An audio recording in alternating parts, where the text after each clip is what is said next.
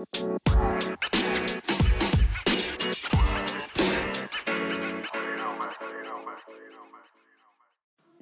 gue agak narsis, gue minta maaf ya. Abis gimana dong? Gue kadang-kadang bingung mau podcast tentang apa ya. Tapi hari ini gue bukan narsis sih, tapi gue mau uh, bicara tentang bookmarks ya. Apa sih yang terlintas di pikiran lo semua kalau ngomongin bookmarks? Ya batasan buku maksudnya ya, yang sehari-hari itu loh. Nah, uh, bookmarks itu memang hadir dalam bentuk yang berbeda-beda. Ada yang simple, cuma pakai post-it note gitu ya. Uh, seperti yang gue pakai di buku-buku lagu kayak buku Kidung Jemaat, Kita Bakti, PKJ ya karena setiap kali ibadah itu bisa ada 5 sampai 6 lagu. Dan setiap minggu tuh beda-beda. Jadi gue pakainya post-it ya, post-it note gitu ya. Hmm. Yang kedua, uh, ada juga tuh bookmarks yang ngerjainnya lebih serius gitu, pakai di print, pakai kata quote-quote gitu ya, atau bahas atau pakai kalau di Alkitab tuh biasanya pakai uh, ayat ya ayat Alkitab apa gitu ya. Itu ada tuh yang kayak gitu tuh. Jadi book bookmarksnya tuh serius digarap. Ngeprintnya juga wow ya niat banget gitu ya terus ada juga yang pakai bookmarks kayak gue tuh ya pakai flyer pameran kantor gue jadi kalau udah gak kepake gue suka jadiin bookmarks ya nggak apa-apa dong daripada kebuang dan mendingan kan dimanfaatin untuk sebesar besarnya kepentingan pribadi ya gembel oke okay. Kali ini gue sih nggak pengen ngomongin pembatas bukunya, tapi apa aja sih yang biasa gue simpen gitu ya di batasan buku gue. Tapi bukan di batasan buku sebenarnya gue mau ngomong di jagat online ya. Apa aja yang biasa gue, ya apa aja sih yang pernah gue bookmark atau gue simpen gitu. Lagi-lagi gue sih nggak mau nggak mau narsis, tapi sharing is caring ya. Supaya lo tau aja kira-kira tuh gue kayak apa sih nyimpennya gitu ya. Nih gue cerita, jangan matiin, jangan mana-mana ya, dengerin.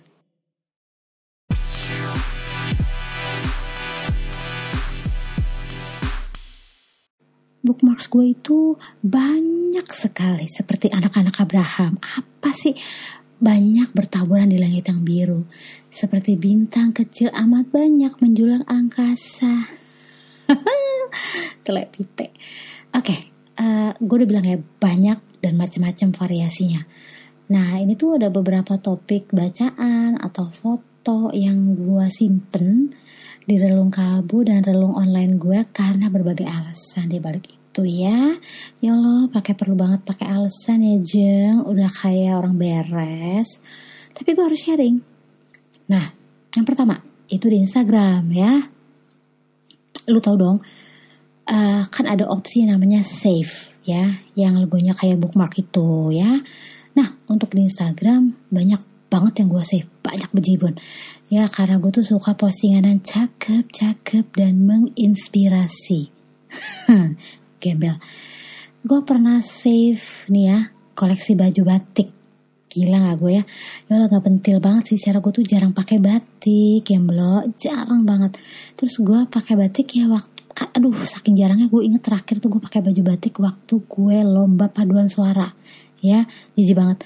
Uh, tapi pada saat itu gue menang kebetulan paduan suara gue tuh grup kelompok gue tuh menang ya juara satu gitu se Indonesia uh, ya receh-receh sih paduan suaranya pesertanya. Tapi lumayan. Nggak penting sih bahas bookmark nggak ada hubungannya sama lomba paduan suara. Tapi maksud gue gue perlu banget gue kasih tau bahwa gue nge-save uh, baju batik ya. Koleksi baju batik tuh ada tuh di Instagram gue ya.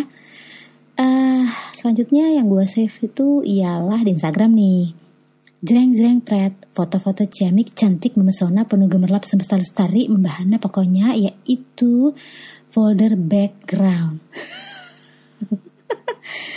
Aneh ya, jadi foto-foto yang cakep, yang surrealistik, kalau nggak yang pemandangan, terus pokoknya yang unik dan cantik gitu ya, yang memikat hati gue tuh gue save gitu ya gue pakai namanya background. Gak tahu kenapa gue pilih nama folder background. Buat ganti-ganti image desktop sih biasanya sih gitu. Atau kalau gue perlu image untuk background slide uh, slide uh, slide slide apa gitu gue suka pakai tuh. Ya maaf bukan mencuri ya tapi kan gue nggak memperdagangkan ya. Itu ya bookmark yang kedua di Instagram. Uh, yang ketiga itu uh, eh, gue menyimpannya dalam grup motivational. Apa lagi grup motivational itu? Ya isi postingannya tuh di folder itu semuanya semuanya. Nggak terkecuali ayat Alkitab. Lu bisa gila gak sih? Ayat Alkitab atau kalimat-kalimat motivasi Kristiani. Aduh ya. Kristen banget sih gue Kristen baik-baik Cocok buat menghancurkan dan meredam liarnya pikiran dan ahlak gue gitu loh. Ya ampun ya amboy. Ya gitu deh sisanya ya gue save al random random banget gitu ya. Dari daster, masker, make up, cara bikin alis gitu ya. Terus gaya baju yang kasual gitu yang keren-keren. Terutama kalau yang udah masuk-masuk yang uh, musim fall musim gugur gitu ya. Karena gue setiap tahun dapet dapet tugas harus ke London selama udah tiga tahun inilah selama udah tiga tahun terakhir. Jadi gue tuh perlu banget tuh ya untuk ngeliat-ngeliat tuh ya stylenya. Jijik gak sih lo? Terus sampai harga alpukat juga gue gue simpen tuh di folder random di Instagram gue sinting gak gue nggak apa-apa ya uh, namanya juga emak-emak gitu ya. Uh, itu pokoknya gue amankan di sana. Uh, sinting dan suram terserah lo pada. Tapi gitulah yang gue kerjakan. Itu yang di Instagram. Nanti gue akan bahas yang di Twitter ya. Jangan mana-mana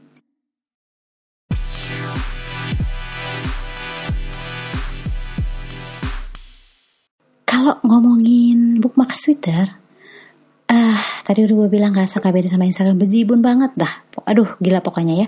Tapi gue mau pilih hanya beberapa doang dari ratusan bookmarks atau materi yang gue simpan di bookmarks folder gue di Twitter ya. Uh, yang pertama itu dari tweet dari akun Zubi. Akunnya ya a z u b tuh ya. Uh, siapakah dia? Uh, Zubi ini seorang rapper kulit hitam asal Inggris ya gue sendiri sih belum pernah dengar lagunya penasaran tadi gue dengar tapi gue follow dia di twitter udah cukup lama. Di tweetnya tanggal 8 Juni 2020 ya dia nulis seperti ini. I do not support Black Lives Matter. Never have and never will. Why? Because they only care about the 0.001% of black lives that they can use to push their divisive political agenda The whole thing is this ingenious BS. A catchy name isn't enough to dupe all of us. Gokil kan tuh? Kereng, kah? Kereng laki gitu, nggak kaleng-kaleng. Ya, lu bayangin dia orang kulit hitam, following eh, followersnya banyak kayak bejibun secara dia akan selebriti gitu ya tapi berani untuk mengambil sikap tentang Black Lives Matter ya yang berbeda dari uh, selebriti-selebriti uh, kulit hitam yang memang mendadak menjadi bagian dari woke community ya. Emang tai tuh. Nah si kalau lo kebayang kalau orang kulit putih berani nge-tweet begini ya apalagi selebriti kelar hidup lo. Bakal ditendang permanen dari Twitter atau lo diamukin masa diamukin selebriti-selebriti lainnya ya. Seperti gitu. Ketakar pokoknya kalau Twitter sekarang ya. Makanya gue sebel banget di Twitter dua hari tiga hari ini gitu ya. Aduh males. Oke. Okay.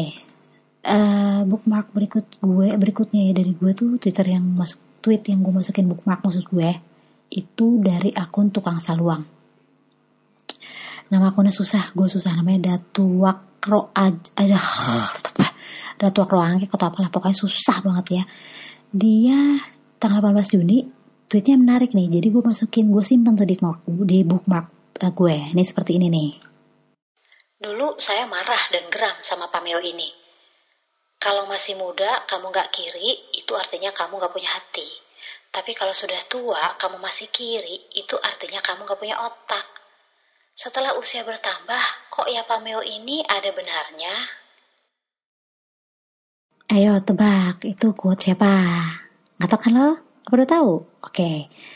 Nih ya, if you are not a liberal when you are 25, you have no heart. If you are not a conservative by the time you are 35, you have no brain. Ini katanya sih, perkataannya si Winston Churchill. Sekali lagi ya, gue bilang katanya. Karena sepertinya nggak ada yang pernah denger si Churchill ngomong begitu. Ya, jadi ini kira-kira aja. Ada untuk pastinya gue nggak tahu deh ya, tapi itu dikenal sebagai quote-nya si Winston Churchill. Anyway, dalam protes ikut-ikutan Black Lives Matter di London baru-baru ini si patungnya si Churchill itu dicoret-coret dong gak keruan sama para pendemo. Emang gue bilang tai pantai sekali ya sekali gue benci banget nih pendemo pendemo tai kucing ini uh, sekali lagi gue katakan mereka itu emang babi ya tahu gak sih? Babi gitu ya. Naik darah kalau inget kelakuan mereka gila segala patung itu kan historical treasures gitu ya. Lu ngeliat sejarah dari hal-hal jelek bukan cuma dari hal-hal baik. Entah nih orang tetap si Churchill ini kan dianggap sebagai national hero di di Inggris. Tapi nggak tahu deh sama kelakuan para jemput sapi ini ya. Benikah banget gitu nyari nyari muka banget udik udik emang salah asuhan. Begitu. Maaf gue emosi gitu ya emosi 456 oke okay. next tweet gue itu eh next tweet yang gue bookmark itu adalah dari seorang perempuan bernama Inaya Volarin Iman kerennya namanya Inaya Volarin Iman mengingatkan akan seorang anak salah satu anak gadis dari uh, Presiden RI Gus Dur namanya Inaya kalau nggak salah ya. Akunnya ini yang gua gua bookmark itu namanya Inaya Volarin. Ya dusi eneng namanya tuh ya kayak cairan obat apotik sebenarnya ya Volarin. Tapi aduh maaf ya, tapi tweetnya bagus jadi gue uh, masukin di bookmark gue. Ini tweetnya tanggal 13 Juni 2020. Dengerin ya. There is absolutely nothing liberating about identity politics. It encourages black people to feel victimized or oppressed, and white people to feel guilty, shameful, self loathing, all of which are unnecessary and counterproductive. How is that a recipe for freedom and social progress? Oh iya, Inaya ini seorang freelance writer, komentator juga, tinggalnya juga di Inggris. Eh, dia juga kulit hitam. Dan gue suka perspektif perempuan ini soal identitas politik tadi ya. Memang sih gak sehat, itu sangat-sangat tidak sehat. Sayangnya justru ini yang sering banget jadi senjata orang-orang termasuk di Indonesia ya untuk dapetin simpati atas namanya atas nama jalur progresif gitu ya penjunjung keadilan sosial tapi lagi-lagi tai kucing ya karena ujung-ujungnya memang sih kalau nggak cari muka ya mau orang pemilu intinya gitu hmm nggak cuma ras atau warna kulit, tapi juga gender, preferensi seksual, agama itu sering banget jadi bahan bacotan, bahan colian kaum kiri gitu ya, dan kadang-kadang malah kaum agama ya, kaum agamis. Dan udah heran tuh makin gila saat ini. Uh, di Indonesia juga pernah dipakai sih sama satu satu partai ya gitu ya. Uh, partai justru dia partai kanan sih. Dia uh, partai ini pernah bilang kalau nggak milih partai ini berarti dia bukan muslim. Sakit jiwa nggak sakit jiwa nggak Nah itu ada tuh yang kayak gitu. Enak. Nah, yang kocak nih ya dari kaum kiri yang diwakilin sama Partai Demokrat di Amerika, mereka tuh selalu teriak-teriak kesetaraan terhadap kaum LGBT, kulit hitam. Partai Demokrat adalah partai anak muda gitu, progresif gitu ya. Lah elah tahu-taunya capres yang sekarang ya. Cuman seekor Joe Biden yang kulit putih, tua bangka, berumur 77, 77 tahun, punya demensia pula gitu ya. Tukang mengendus-ngendus anak kecil. Udah gitu korup pula. Gila nggak tuh progresif teh kontol ya? Tuh kayak gitu. Jijai anyway uh, bookmark gue selanjutnya. Udah banyak ya uh, sabar sabar sabar Bambang ya. Ini cuitan dari Anon Synonymous ya. Uh, tanggal 3 Juni 2020 ya. Ini gini bunyinya lu kudu dengar. In the year 1924, the research department of the Association for Study of Negro Life and History completed a study of the free Negro slave owners found in the year 1830 U.S. federal census. The study found that there were 3,777 Negro slave owners in the United States. Menarik ya, gile. Baru tahu lo gue tahun 1830 tuh udah ada orang kulit hitam yang jadi slave owners dan jumlahnya nggak main-main loh hampir 4000 orang uh, jadi nggak cuma orang kulit putih ya di Amerika yang punya budak jadi sesama kulit hitam pun ternyata juga saling membudaki berdasarkan data tadi tahun 1830 tercerahkan ya lu yang blok eh. Jadi semuanya tuh yang namanya pemilik budak nggak hanya orang kulit putih ya. Ya harap dicatat ya. Uh, nah next tweet yang gue masukin di folder bookmark gue ya gue cemplungin di situ adalah tweet dari the one and only Charlie Kirk. Dia tuh komandannya Turning Point USA Ya, nih begini kata si Charlie. Skin color doesn't matter.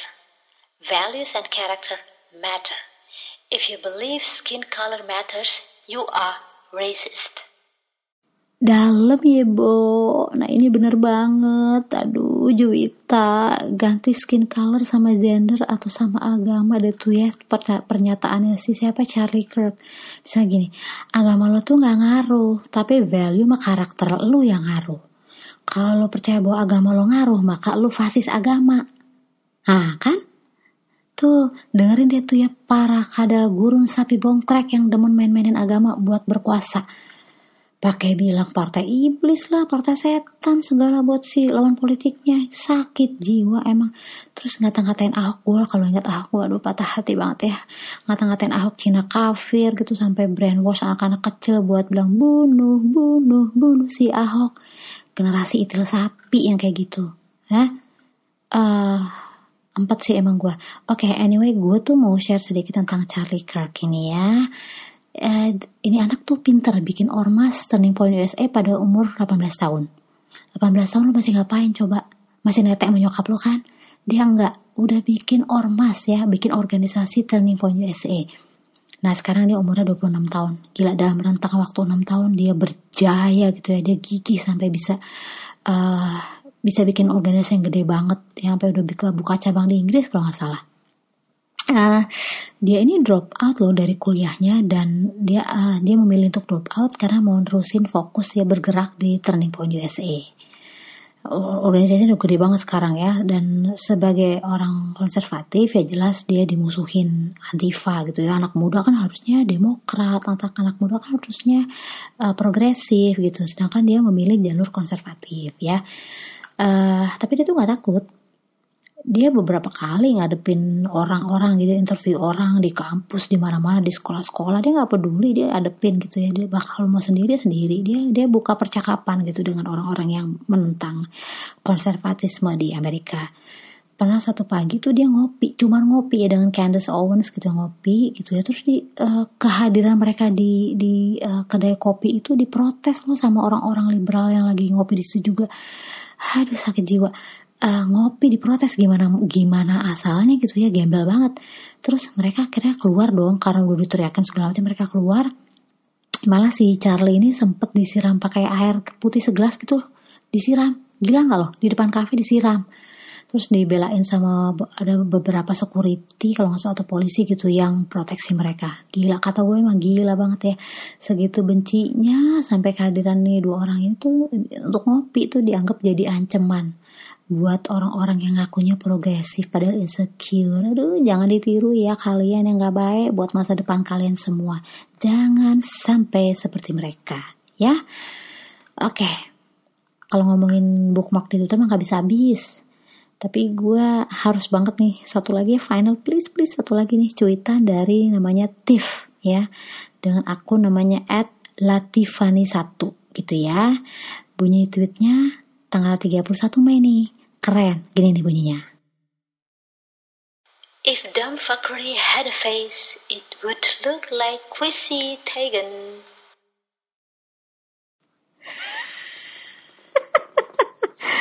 tweetnya si TV ini emang geblek ya. Kebetulan dia juga orang kulit hitam sih. Dan tweetnya ini di retweet sampai 12.200 12 kali.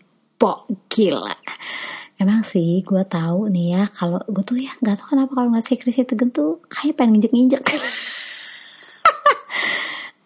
nggak bisa mukanya tuh muka laknat gitu ya. Uh, pipinya tuh aduh kayaknya pengen gue hmm, pengen gue tampol pakai panci gitu. Dulunya sih emang dia cakep ya tapi sekarang tuh gayanya udah kayak paling luhur budi pekerti gitu loh. Jadi pejuang sosial justice padahal sih baru kemarin walknya gitu ya. Itu juga karena Donald Trump jadi presiden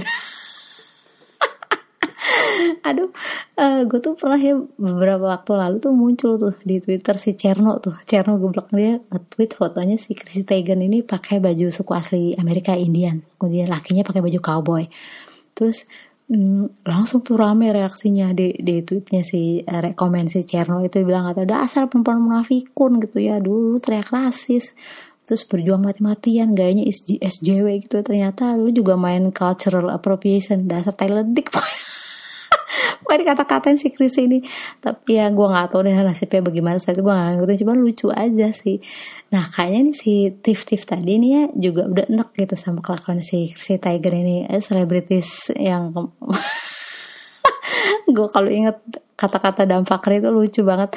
Nah ini kelakuan si Pecun Binal Bininya si John Legend Emang sih kata gue udah Udah bener-bener bener-bener ngeselin sih. Jadi banyak yang banget yang orang kulit, orang kulit hitamnya juga benci sama desa gitu yes.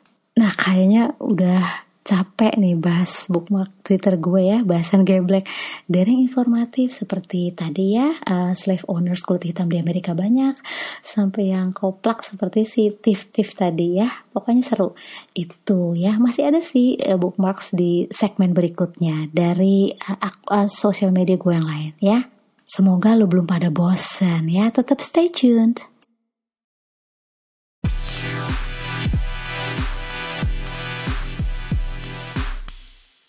Oke, sekarang gue mau ngomong tentang uh, Pocket. Pocket itu semacam satu aplikasi yang nyimpen uh, uh, link yang udah lo lo simpen pokoknya untuk nyimpen link lah gitulah. Gue beribet banget sih ngomongnya. Uh, nah, gue simpan di situ. Aplikasi ini gue dengar dulu dari uh, Yohanes Eko sebelum uh, Twitter bikin opsi buat bookmark ya. Jadi aplikasi ini gue gue bersyukur banget sih ketemu aplikasi ini. Udah lama sih. Uh, kalian mungkin juga udah kenal tapi nggak tahu deh. Anyway, uh, gue akan pilih beberapa link yang gue gue udah save di situ lu jangan berpikir bahwa gue fakir ilmu ya enggak juga sih. Tapi emang gue kudu gue rasa ini perlu tuh gue simpen untuk gue baca baca nanti kalau gue ada waktu. So far sih tetap nggak gue hapus walaupun sudah ada di pocket gue.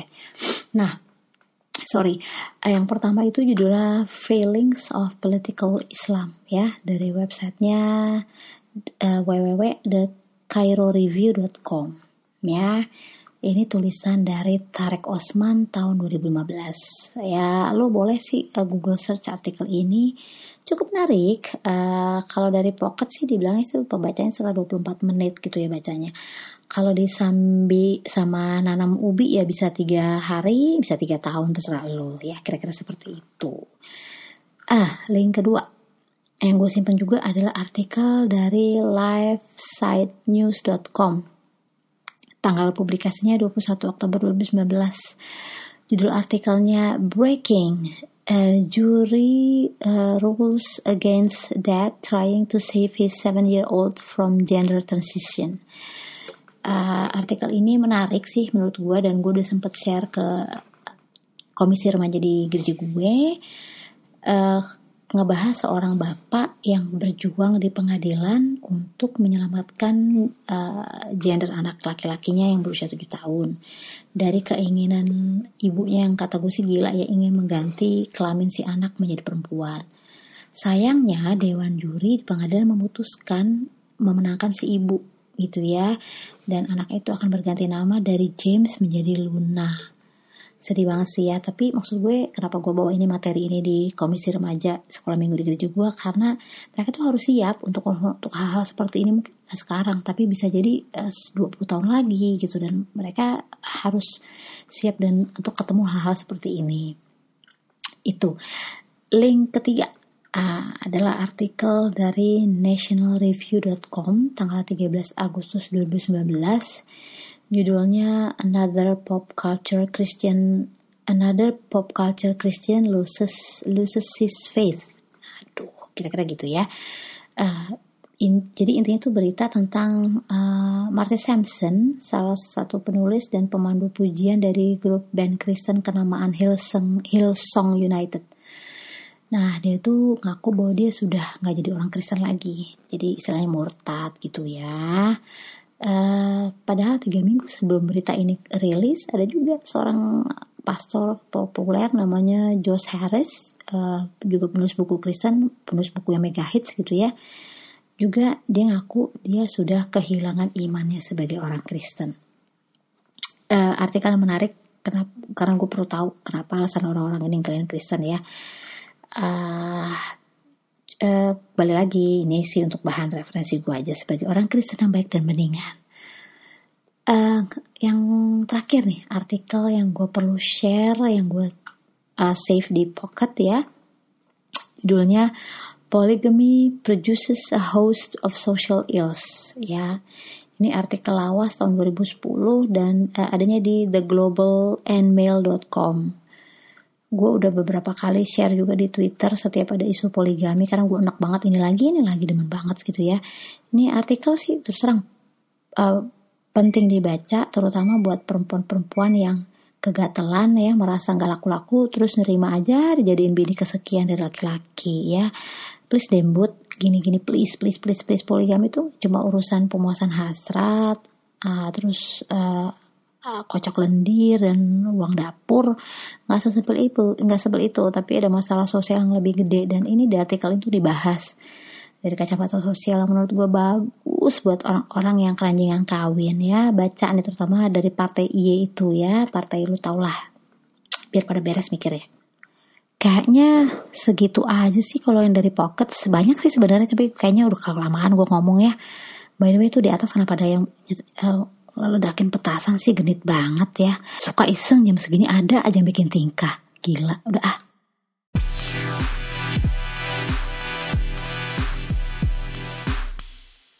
Oke, okay, para pendengar yang budiman, cah elah. Nemu hal-hal baru dan exciting itu memang seperti nemu harta karun ya.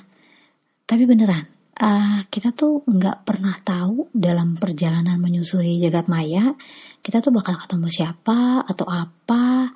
Uh, nah, gue mungkin salah satu yang rajin untuk mengamati, terus menikmati, kemudian uh, menyimpan hal-hal yang exciting itu gitu ya.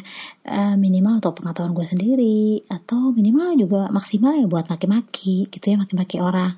Termasuk yang bodoh seperti seperti si Chrissy Teigen tadi. Aduh ya Allah gue jadi inisiatif uh, kesimpulannya gini. Uh, jangan pernah males ya pada ngebookmark atau nyimpan hal-hal yang seru yang lu temuin dalam pengembaraan lu di dunia maya. Mau bokep kayak mau apa serah lu. Minimal lu tuh bisa baca-baca ya pas boker. Uh, atau ya kalau foto-foto yang lu anggap sur buat apa kayak masa buat koleksi buka kan nggak mungkin. Ya gak sih? Uh, kalau gue sih uh, bakal bikin komitmen tiap boker bakal ingat Chrissy Tiger Chrissy Tiger lagi Chrissy Tiger lagi. Oke okay, guys maaf kalau podcast gue kelamaan malam ini tapi semoga membawa arti dalam hidup kalian semua. Mohon pamit, sampai ketemu lagi di podcast gue selanjutnya. Bye!